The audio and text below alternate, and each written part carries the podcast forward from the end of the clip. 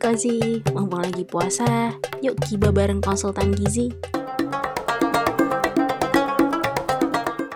Assalamualaikum, hai Sobat Kozi, selamat datang di segmen Gibah. Gizi Berkah bersama konsultan gizi Gizi Berkah Ramadan Barokah. Puasa menjadi ibadah yang paling indah karena dengerin segmen Gibah bersama konsultan gizi. Waalaikumsalam kak, gimana nih buat puasanya, masih aman kan? Insya Allah aman Vila, semoga Sobat Kozi semua aman juga ya. Puasanya meskipun kita masih berpuasa dalam kondisi covid yang masih ada di sekitar kita. Jadi pada segmen kali ini kita akan membahas tentang individu yang sedang terpapar COVID nih. Boleh nggak sih puasa? Kira-kira aman nggak kalau lagi terpapar virus corona terus kita puasa gitu, Phil? Nah, jawabannya adalah tergantung, Kak. Jadi, ini nih tergantung dari kondisi pasien nih, Kak. Kan di saat sudah terkonfirm COVID, ada beberapa tingkatan kan, Kak, itu. Mm -hmm. Ada yang OTG atau orang tanpa gejala. Mm -hmm. Gejala ringan, terus ada gejala sedang sampai gejala berat. Mm -hmm. Nah, jika tidak ada gejala dan dirasa dirasa mampu, mm -mm. Ya silahkan, tidak ada masalah menjalankan puasa. Kan kalau puasa kan tujuannya Bismillah puasanya lancar gitu ya kak. Mm, benar-benar. Jadi harus lihat kondisi setiap individu dulu ya Phil ya. Nah kira-kira sanggup atau enggak nih berpuasa gitu.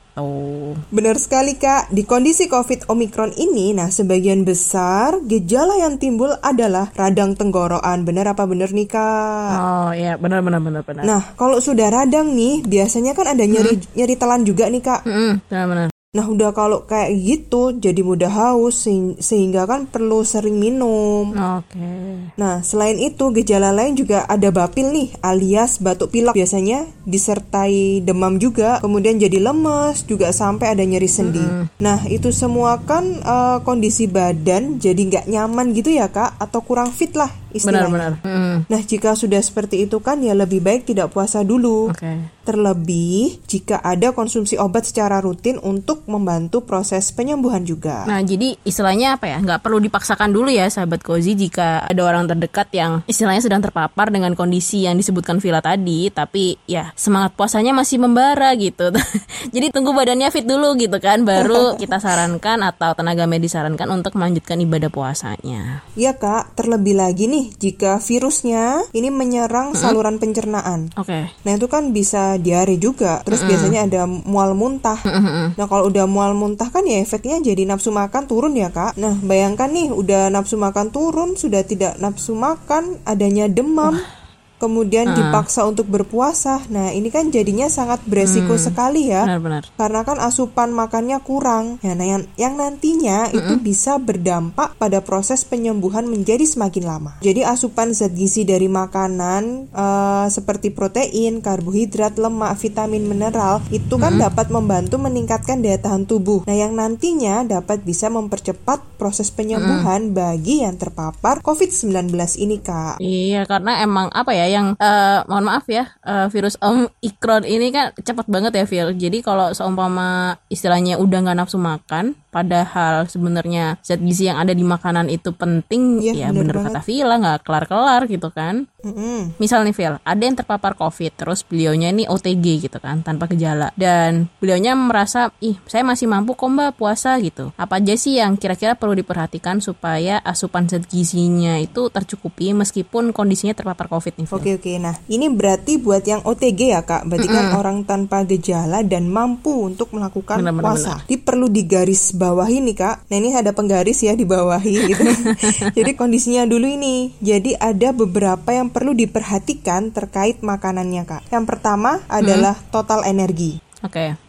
Nah, jadi diusahakan harus balance hmm. atau seimbang, seperti makanan yang masuk dalam tubuh sama dengan energi yang dikeluarkan dari tubuh, yaitu energi saat kita istirahat atau sedang beraktivitas. Nah, jika energi yang masuk ini lebih besar dari yang dikeluarkan, hmm. ya resikonya berat badan akan nambah. Begitu juga sebaliknya. Gitu. Terus yang kedua, asupan zat gizi makro, Kak, yaitu kayak protein sebagai salah satu zat pembangun nih Kak yang diperlukan dalam membentuk daya tahan tubuh, juga asupan lemak dan karbohidratnya. Dan yang terakhir, asupan zat gizi mikro seperti konsumsi vitamin dan mineral, terutama ada vitamin A, vitamin E, dan vitamin C, serta zinc yang sangat bermanfaat dalam membantu menjaga daya tahan tubuh di masa pandemi ini. Nah, sumber vitamin dan mineralnya dari mana ini sahabat Kozi? bisa mendengarkan gibah di episode sebelumnya nih kak.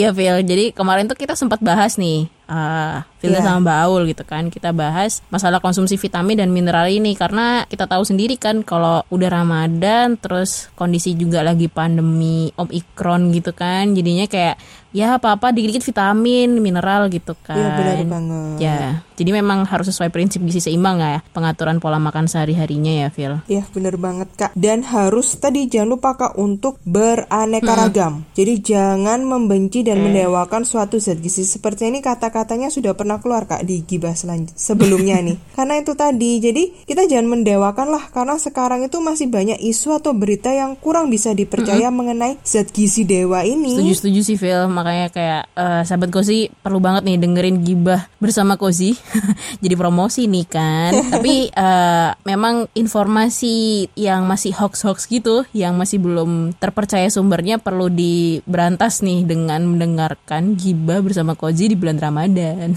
Bener banget. Nah balik lagi nih Phil. Apa ada rekomendasi khusus nih Phil terkait bagaimana sih pemilihan bahan makanannya tuh? Ada dong kak. Jadi bagi individu yang terpapar COVID ini disarankan mengonsumsi protein hewani sebanyak hmm. 50% dari kebutuhannya dalam sehari. Nah, kenapa kok gitu? Nah, karena nilai biologis dari protein hewani ini uh, tinggi, Kak. Jadi mudah diserap oleh tubuh. Tujuannya apa? Jadi untuk mengurangi kehilangan otot tubuh hmm. tadi dan meningkatkan kekuatan otot pernafasan pada individu yang terpapar COVID. Kan kita tahu sendiri ya, Kak, kalau COVID ini kan dia uh, kalau udah sampai gejala berat kan bisa menyerang ke paru-paru ya, Kak. Hmm. Nah, itu tadi yang berhubungan dengan pernafasan kita. Jadi rekomendasi bahan makanan yang tergolong protein hewani yang bisa dikonsumsi ya bisa kayak ayam tanpa kulit. Kenapa tanpa kulit? Okay. Karena kalau kulit sendiri kan kita tahu tinggi lemak ya kak. Kalau ingin ambil proteinnya hmm. aja sih ya ambil ayam tanpa kulitnya aja. Terus ada daging tanpa lemak okay. atau tanpa gajihnya itu. Terus ada telur, ada ayam dan ada ikan. Hmm. Oke, okay. wah jadi ini ya kalau untuk sumber protein memang disarankannya protein hewani karena tadi seperti yang Villa utarakan karena dia lebih mudah cerna. Yaps. Nah, kalau untuk asupan vitamin dan mineralnya ini gimana nih, Phil? Nah, untuk vitamin dan mineralnya nih bisa didapatkan dari konsumsi sayuran dan buah-buahan. Jadi kan tetap ya prinsipnya awal tadi kan gizi seimbang ya, Kak. Jadi kan memang ada protein nabati, hewani, sayuran, buah-buahan dan nanti ada sumber karbohidrat, ada lemak juga. Kalau contoh vitaminnya nih, yang pertama ada vitamin A. Di vitamin A ini selain fungsinya buat mata juga ya, Kak, ini juga bagus untuk melindungi jaringan tubuh kita kita kayak di mulut, lambung, usus dan pernafasan juga dari resiko infeksi. Itu jadi vitamin A ini bisa didapatkan dari ubi jalar, okay. wortel, brokoli, bayam ataupun telur. Selain itu yang kedua ada vitamin C. Wah ini nggak asing nih, hmm. pasti kan kita selama pandemi ini konsumsinya ada suplemen vitamin C ya kak biasanya. Nah tapi vitamin C juga bisa didapatkan dari makanan. Benar. Jadi vitamin C ini punya fungsi untuk meningkatkan pembentukan antibodi sebagai sistem imun atau daya tahan tubuh. Bisa didapatkan dari jambu, jeruk, pepaya, stroberi, tomat. Nah, ini Kak, biasanya ada yang ditanyakan berapa hmm. sih banyak vitamin C yang dikonsumsi untuk menjaga daya tahan tubuh? Ini harus seberapa? Benar, benar, nah, benar. sebenarnya itu sekitar 200 mg vitamin C itu yang mana setara dengan satu potong panjang buah pepaya, Kak. Jadi itu bisa e, ibaratnya untuk membantu menjaga daya tahan tubuh kita. Jadi nggak perlu ini ya, ya minuman 1000 mg vitamin C.